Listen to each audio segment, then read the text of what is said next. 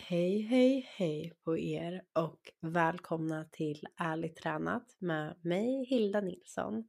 Nu sitter jag här hemma och jag har tänt ett ljus, ett doftljus. Det är lite mörkare i mitt vardagsrum, eller i vårt vardagsrum, för att hösten smyger sig på. Och det gör mig så himla glad. Alltså är det någonting jag älskar så är det hösten. Jag är en höstmänniska in i blodet. Så om ni håller med mig eller inte håller med mig. Så ja, jag har respekt för er. Men om ni älskar hösten som mig, alltså mm, hur mysigt är det inte att vara hemma, göra det man tycker om. Hur som helst, idag så tänkte jag att vi skulle prata lite om Kwasai recovery som jag vet att vissa av er kanske är eh, familjära med det här begreppet. Att eh, man är liksom, vad ska man säga, lite halvläkt från en ätstörning och jag tror att det är väldigt lätt för många att man eh, fastnar i ett stadie. Oavsett om man kallar det liksom quasi recovery eller om man kallar det för att jag vet liksom inte, jag är frisk fysiskt men jag är inte fri. Eller att man känner sig allmänt bara inte frisk men man har försökt och man har kämpat. Eller att man har varit i en läkning väldigt länge från en ätstörning och inte riktigt vet hur man ska ta de sista stegen eller sådär. Ehm, eller att du bara känner dig fast i din läkning, i din process just nu och vet liksom inte hur du ska ta dig vidare kanske eller vad nästa steg är eller hur man går vidare. Och egentligen så är det här avsnittet verkligen för dig oavsett om du inte har börjat din läkning än eller om du har börjat din läkning eller om du vart du än är i din resa så tror jag att du kan hitta någonting i det här avsnittet som man kan ta med sig. Eh, du får jättegärna skriva ner det som du känner att du verkligen resonera med eller skriva till mig och bolla tankar eller det jättegärna lägga ut på typ Instagram och dela det här och tagga mig så att jag ser det om du känner att någon omkring dig kan hjälpas av det här. Eller allmänt bara att du vet någon omkring dig som behöver höra det här så skicka det till den personen. Om man börjar med just den här känslan att känna sig fast i en läkning så är det någonting som jag absolut så många gånger fått hantera och jobba på. Eftersom att en läkningsprocess kan utåt sett se väldigt färdig ut och man kan komma undan rätt mycket med att leva i, ett, i, en, i en halvläkt liksom, i en halvläkt person, i ett halvläkt liv. Och där man ofta missar är att det också blir ett halvdant liv. Det blir liksom inte ett fullt liv utan det blir ett halvfullt liv. Och, och det är precis egentligen därför jag gör det här avsnittet. För att jag är en person som tror 100% på full läkning. Alltså det finns ingenting i min väg som skulle kunna ändra min den åsikten. Och därför vill jag verkligen inspirera till att våga ta de här stegen som kan kännas så otroligt läskiga. Ehm, för att få en full läkning, för att få ut alla härliga liksom, vad ska man säga, följder av läkningen.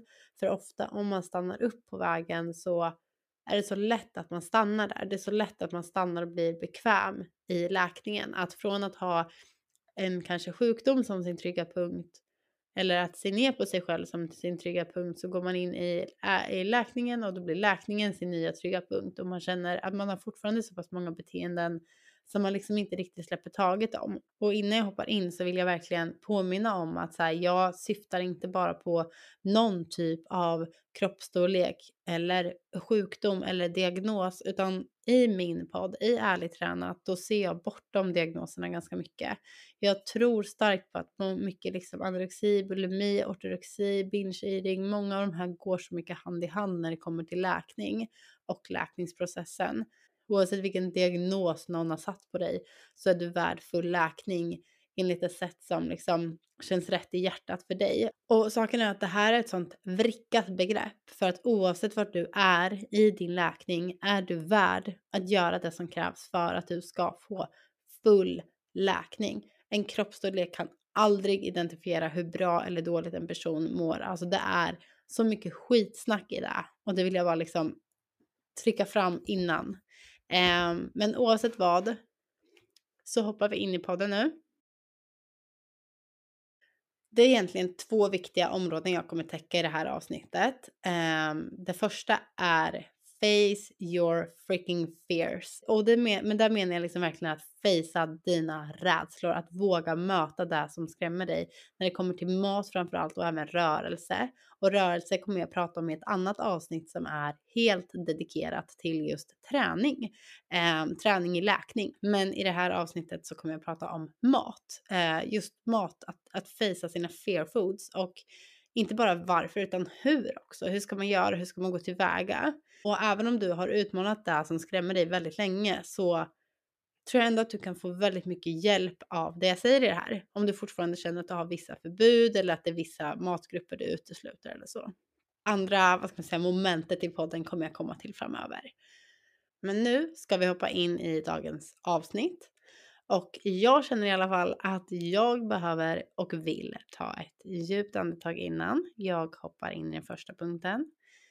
Och eh, jag tycker att vi gör det tillsammans. Ett, eh, vi kan kalla det ett ny början andetag. Så vi verkligen andas in ny luft. Och andas ut den gamla.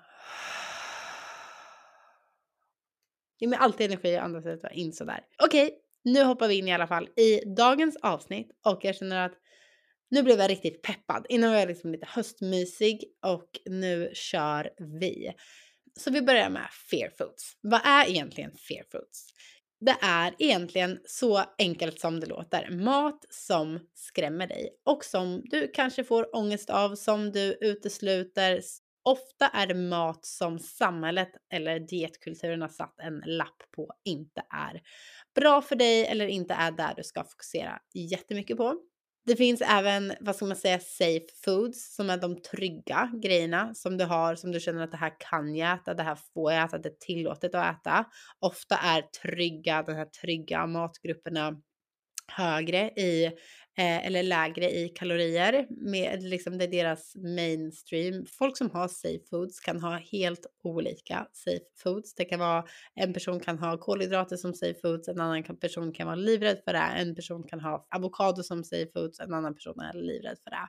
Och det här gäller även för fear foods. Två personer med exakt samma sjukdom kan vara livrädda för helt olika saker beroende på vilka liksom, trosystem de har jobbat med, om de kanske är livrädda för fett eller de är livrädda för kolhydrater eller livrädda för protein eller jordnötssmör eller pizza eller alltså man har ingen aning. Folk kan ha helt olika fear foods och det beror väldigt mycket på vad man har för liksom, trosystem som man har utformat. En person som äter kanske en high carb diet eller vad man ska säga kanske tycker att fett är läskigt medan en person som äter en low carb diet tycker att fett är det viktigaste som finns men att kolhydrater är superläskigt. Det bevisar återigen bara hur fucked up hela fear foods liksom schablongen är för att det har liksom no sense at all när jag även pratar om fear food så handlar det om hur mycket man äter. Liksom att man är rädd för att kanske gå över en viss siffra under dagen. Eller att man är rädd för att äta utöver hela dagen när man äter. Så att det jag kommer täcka är inte bara själva maten i sig som du är rädd för. Utan jag kommer täcka varför det är så viktigt att vi äter över hela dagen också. Den andra punkten jag kommer komma till handlar mer om just det inre. Men varför jag tar det här som den första punkten, därför att jag tycker att det är så en så basal grundlig sten i att du kommer behöva äta mycket mat för att läka fullt ut. Och då menar jag liksom troligen det dubbla mot vad du själv tänker är okej okay att äta, alltså minst. Och jag vill bara börja med det, att ge dig full tillåtelse att äta. Du kommer behöva äta mycket mat för att läka från en ätstörning. Du kommer behöva äta mycket mat. Din kropp har biologiskt sett brutits ner på så många sätt Oavsett vad det är du kämpar med, oavsett hur länge du har kämpat så har din kropp blivit påverkad av en ätstörning eller en diet. Det liksom, oavsett om det är en diet du gått på eller om du har varit sjuk i en ätstörning i flera år. Din kropp tar skada, den påverkas och därför är det otroligt viktigt för din kropp ska kunna återställa sig med ämnesomsättning, med hormoner, med minne, med ork, att du äter tillräckligt och siffran eller mängden du tänker är okej för dig är så viktig att den är tillräcklig. att den är ordentlig, att du äter mycket mat. Om du känner att du äter mycket mat idag, det är bara så jäkla modigt av dig att hålla i det och jag ber dig att fortsätta hålla i det. Om du har en behandlingsplan som du kanske tycker är jobbig, fortsätt med den för att det är det bästa du kan göra för din kropp just nu för att få ut så grymma följder av det som möjligt. Och om du vet, om medvetet eller innerst inne att du äter för lite, jag ber dig att öka upp och att börja implementera den mat som skrämmer dig och den mat som du tycker att är läskig. Och jag vet att en av de stora anledningarna till att vi ofta utesluter de här fear foodsen vi har är av rädslan, i alla fall för mig, rädslan att kanske känna sig ohälsosam eller det går inte in i min kost eller samhället tycker att det är ohälsosamt och så vidare och så vidare. Och jag kan inte trycka nog på att det ohälsosamma är att vara sjuk. Det ohälsosamma är att vara sjuk. Zooma ut och kolla på vad din sjukdom har liksom skadat ditt liv. Och jag tror inte att en pizza någonsin skulle kunna göra den skadan på ditt liv som en ätstörning har gjort. Hade du strävat efter att vara hälsosam på riktigt så hade du ätit den maten du förbjuder dig för. För att det är en så grundlig pelare i att bli fri. Det här är en mental sjukdom som blir en fysisk sjukdom och därför är det så viktigt att jobba med de mentala bitarna. För att jag vet många som blir frisk på, vad ska man säga, hälsosam mat enligt situationstecken nu. Skillnaden på att bli frisk på att bara äta den maten du känner dig trygg med och då menar jag frisk kanske att man går upp till en eh, frisk vikt eller att man eh, får tillbaka mensen eller vad som helst. Skillnaden på att äta trygg mat gentemot att äta all mat är att du kan bli fysiskt frisk från en ätstörning men fortfarande vara mentalt väldigt, väldigt sjuk. För precis som liksom vilken annan fobi som helst, säg att jag har en kompis som har hundfobi. Hon hade kunnat undvika hundar resten av livet, men det får ju inte henne att sluta vara rädd för hundar. Utan det är så viktigt att sätta upp tydliga mål. Att så här, bara genom att utsätta sig för det som man kan inse att det inte är någon fara i det. Och det handlar om att äta den mat som utmanar dig, en mängd som utmanar dig, att äta även fast du kanske känner dig mätt. Att verkligen återfå den relationen till mat som du kämpar för att ha. Om du vet att du behöver äta mer så behöver du troligen det. Om du ifrågasätter om du äter för lite, då är en ganska stark tro i att du troligen äter för lite. Jag själv trodde så starkt att jag åt tillräckligt mycket under en väldigt lång period. Jag visste kanske exempelvis att min frukost var lite för lite, men ändå så tyckte jag så här, ah, ja men jag väntar med att äta upp den eller ah, ja men jag kan äta lite mer ikväll eller vad som helst. Hela tiden ursäkter, ursäkter, ursäkter, ursäkter. Tills det kom en dag då jag kände att fuck off. Jag ska bli helt fri. Min kropp vill må bra. Om det är en stor frukost jag är rädd för, är det en stor frukost jag ska äta. För att det är precis det här vi behöver jobba med. Vi behöver jobba med att ändra vårt mindset till att vilja anta utmaningar. I början är det supersvårt. Men desto mer man jobbar med sitt mindset till att jag vill läka, jag vill läka, jag vill läka från det här. Jag vill göra rätt för mig själv. Jag vill ta hand om mig själv. För bra val föder fler bra beslut. Bra beslut föder fler bra beslut. Negativa beslut för sig själv gör det enklare att ta fler negativa beslut för sig själv. Och det här ger jag verkligen cred till Viktor för, för att vi pratade om det. Jag tycker att det är extremt sant. Och när det kommer till att utmana sina fear foods så kan det vara jättebra att skriva en lista. Att så här, ja, men jag vill äta så här mycket. Jag vill testa sluta att räkna kalorier eller jag vill äta de här äh, måltiderna eller vad som helst. Och varför är det då så bra att skriva en lista på de måltiderna som du känner dig rädd för? Jo, för att gå för att har du en ätstörning så har din hjärna under väldigt lång tid lärt sig att det är negativt att gå emot din ätstörning. Det är obehagligt och det blir jobbigt. Vilket gör att vi behöver hitta saker vi kan göra som belönar vår liksom our brain. Och när vi får bocka av punkter och när vi får känna att vi klarar av grejer så mår vi bra. Och du vet också då att när du kryssar av det här så har du gjort någonting grymt för dig själv. Hur fint är inte det? Återigen, bra beslut föder bra beslut. Att börja påminna sig själv, okej, okay, jag vill det här. Det här är det rätta för mig. Att äta det här, det kanske känns skit i stunden. Men innerst inne så vet jag att det här är vad jag behöver. Det här är läkningen. För om jag aldrig förändrar någonting kommer ingenting heller att ändras. Något som är viktigt att komma ihåg i en läkning är att så här, du har inte kommit så här långt för att bara komma så här långt. Du har inte kommit så här långt bara för att komma så här långt. Du har kommit hit för att ta dig till att bli fri. För att när det är en ätstörning så är det svårt att tänka sig oss ut, tänka sig själv ut till läkning. Vi behöver ta handlingar. Vi kan alltså inte tänka oss ur en läkning att okej, okay, jag ska göra så här eller jag kanske ska ändra det här, utan vi kommer behöva ta handlingarna som hjälper oss ur. Och den stora skillnaden på att liksom vara frisk och att faktiskt vara helt fri, det är att vi kommer behöva programmera om det vi är rädda för. Många läker och kan äta tillräckligt och återfå liksom vikt de behöver, men fortfarande utesluta jättestora matgrupper. Och det är precis de här rädslorna vi behöver utmana och de reglerna. Det är precis de rädslorna och reglerna som vi behöver utmana gång på gång tills det inte är läskigt längre. Du kommer inte behöva äta alla, alla, exakt alla matgrejer du är rädd för. Säg att du är rädd för kanske pizza och hamburgare.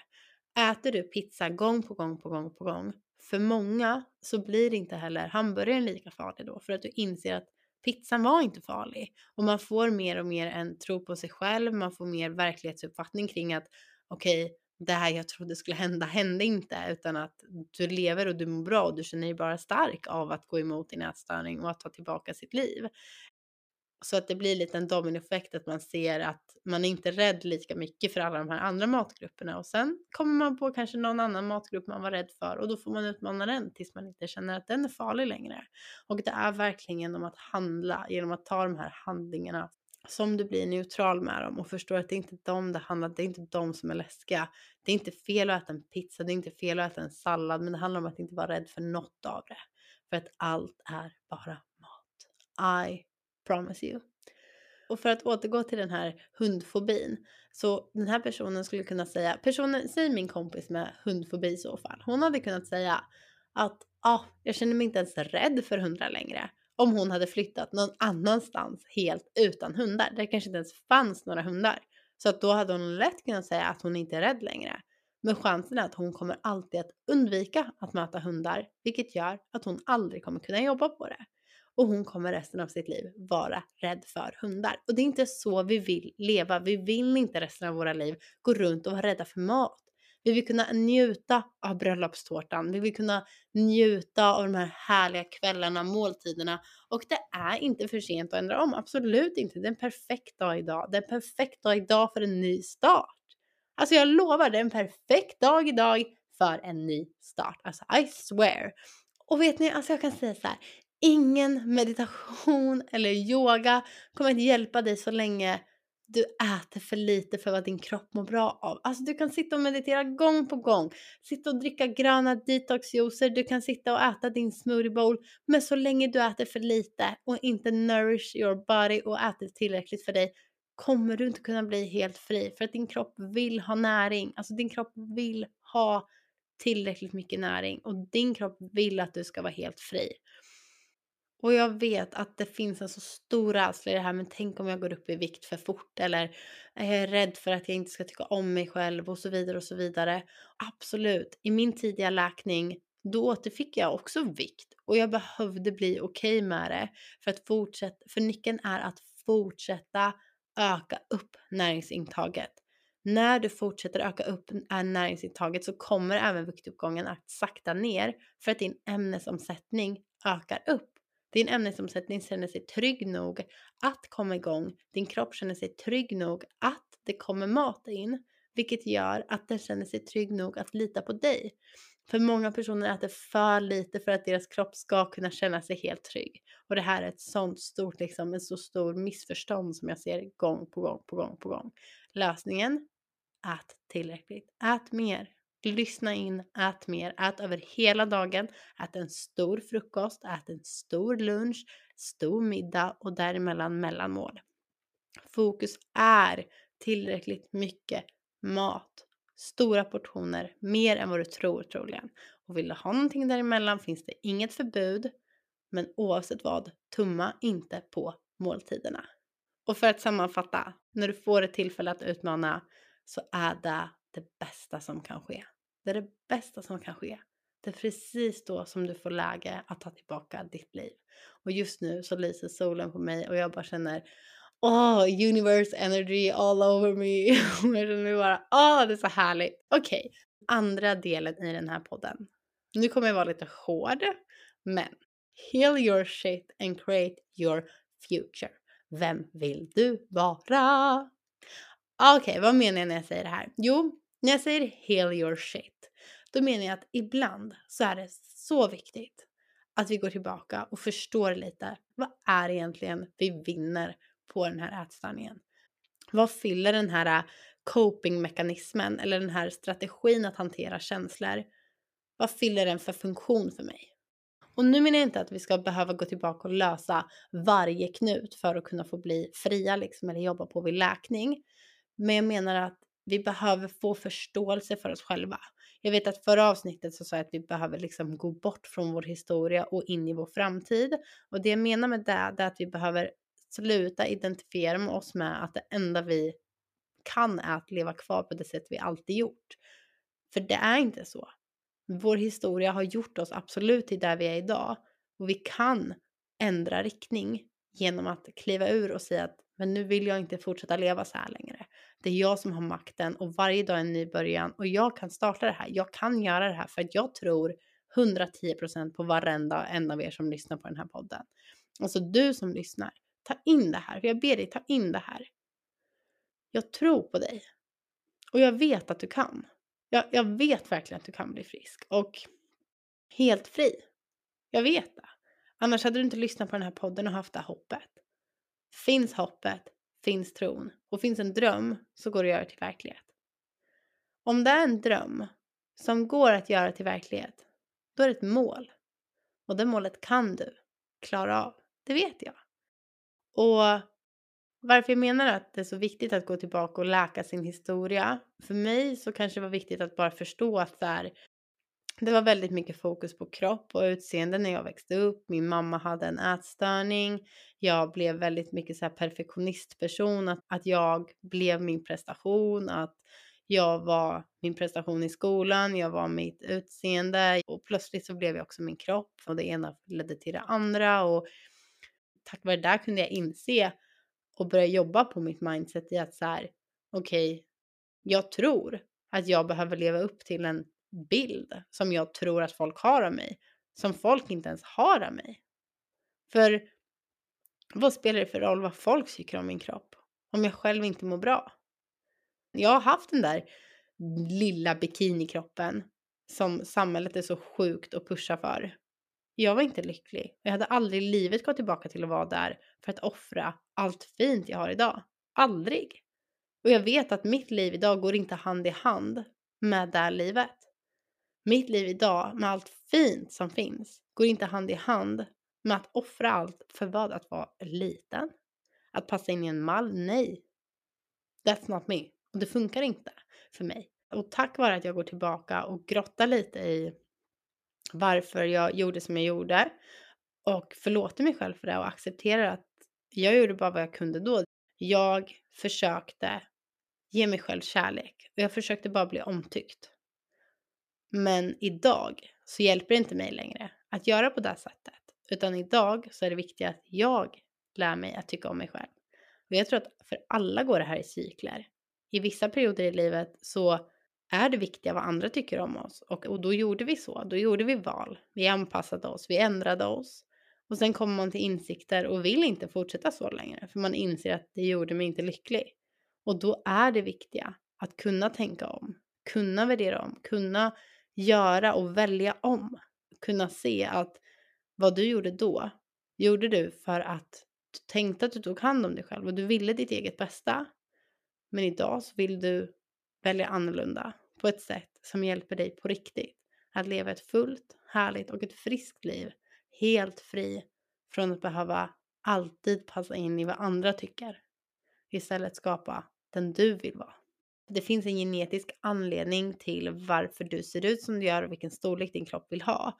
Och även om du kanske känner att du kan förvandla din kropp till någonting annat för att passa in i samhället och känna dig accepterad så är verkligheten att medan du liksom håller de här äh, barriärer på plats så kommer inte läkningen att komma. Är det någonting jag verkligen har märkt så är det att personer kommer försöka komma tillbaka till en storlek där de känner sig trygga. Så länge de inte förstår fullt ut vad anledningen är att de vill läka och vad anledningen är att de kanske tidigare har använt den här copingmekanismen att försöka mm, bli mindre eller försöka kontrollera maten eller träna och känna sig passa in i samhället på något sätt. Och därför är det så viktigt att förstå innebörden av att även om du kanske känner att du kan förvandla din kropp till någonting för att passa in i samhället så är verkligheten att under tiden du håller de här liksom barriärerna på plats så kommer inte det här fungera för dig. Just på grund av ofta att man håller sig själv i en, det kan vara liksom bara några kilo för liten kropp som gör att mensen inte kommer tillbaka eller att du inte kan bli helt fri för du har fortfarande barriärer och det är precis barriärerna man behöver ta ner.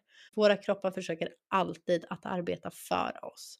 Och när de är vid en punkt där de får tillräckligt mycket med näring och vi verkligen tar hand om dem och att de inte upplever vad ska man säga, någon, någon form av hot eller att de är i svält så kommer de verkligen att jobba hårt för att vi ska behålla dem där de är. De kommer jobba så hårt för att stanna där de är. För att helt ärligt, har du någonsin sett någon synbart förändras genom att äta lite mer och träna lite mindre under några dagar eller veckor? Alltså nej. Det vi behöver är att vara på en hälsosam plats för oss själva och där du kan ha liksom möjlighet och frihet att säga ja till att göra roliga grejer och ja till möjligheter. Det, det är då du verkligen kan leva livet fullt ut. För att det är inte en kropp som kommer få dig att känna dig liksom finished och fantastisk, utan det är ett fritt liv. Och om du verkligen vill läka så är min fråga till dig, vilka barriärer håller du på plats för att förhindra framsteg för din läkning? Vilka barriärer håller du kvar i för att förhindra det här? Jag ber dig, sänk inte din standard på hur fri du vill bli. Sänk inte din standard, lyssna in. Jag har lyssnat in och jag har alltid typ vetat vad jag behöver göra. Men jag har varit livrädd för det. Tills jag till sist kände fuck it, jag gör det. För vad vinner jag på att inte göra det? Jag har trott så länge att jag inte kommer tycka om mig själv i en större kropp. Men det har bara varit min hjärna som har varit så rädd för att kanske göra det. För att testa och se att jag klarar mig skitbra utan alla de här barriärerna. Att jag klarar mig så mycket bättre utan de här barriärerna. För det är precis de här barriärerna som håller mig ifrån att bli den jag är menad att bli. Att starta en läkning är svårt, alltså jag vet det. Och jag vet att om du är mitt i din läkning och tycker det är svårt, ja det är skitsvårt. Men läkning sker inte de dagar det är lätt. Läkning sker de dagar du fortsätter även fast det är svårt. Det sker då också. Och det är då det viktiga sker för att då håller du kvar, då håller du i. Eh, alltså jag lovar, min läkning skapade en helt ny person. Alltså en helt ny Hilda. Jag kom in till mig själv, jag kom hem till mig själv kan man säga. Jag blev den jag verkligen kände att det här är jag.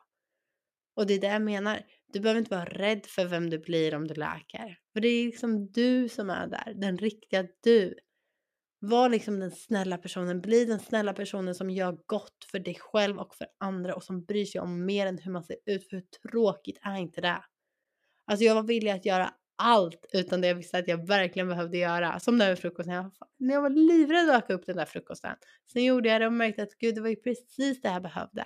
Jag var livrädd för att ta en spontan fika på förmiddagen kanske. Jag gjorde det och insåg att det var precis det jag behövde. Läkning handlar liksom inte om att få en perfekt kropp i träningskläder på en yogamatta leende med en glass i handen utan att läka handlar om att bli helt jäkla fri. Fri från att liksom inte bara bry sig om kroppen längre. Alltså, för att läka från en ätstörning är liksom inte grundat eller styrt på att du ska ha en viss kroppstyp. Utan för mig handlar läkning om att leva ett glatt, fritt liv. Att jag kan känna liksom en helt ny nivå av lycka som jag liksom typ aldrig känt under mina år. Och att inte ha ångest över mat. Att hitta en helt ny nivå av självförtroende och liksom självkänsla. Att kanske återfå mens eller andra liksom kroppsliga problem som blir bra igen. Att kunna vara spontan igen, att kunna leva ett längre liv, att, att kunna bevisa för både äldre och yngre generationer att vi liksom inte behöver vara vårt smalaste för att vara vårt gladaste. Och prioritera som det jag älskar att göra istället för att hinna gymma eller ta stegen jag tror att jag behöver eller vad som helst. Utan att kunna vara flexibel med sitt liv och kunna leva i nuet. Och believe me, det är värt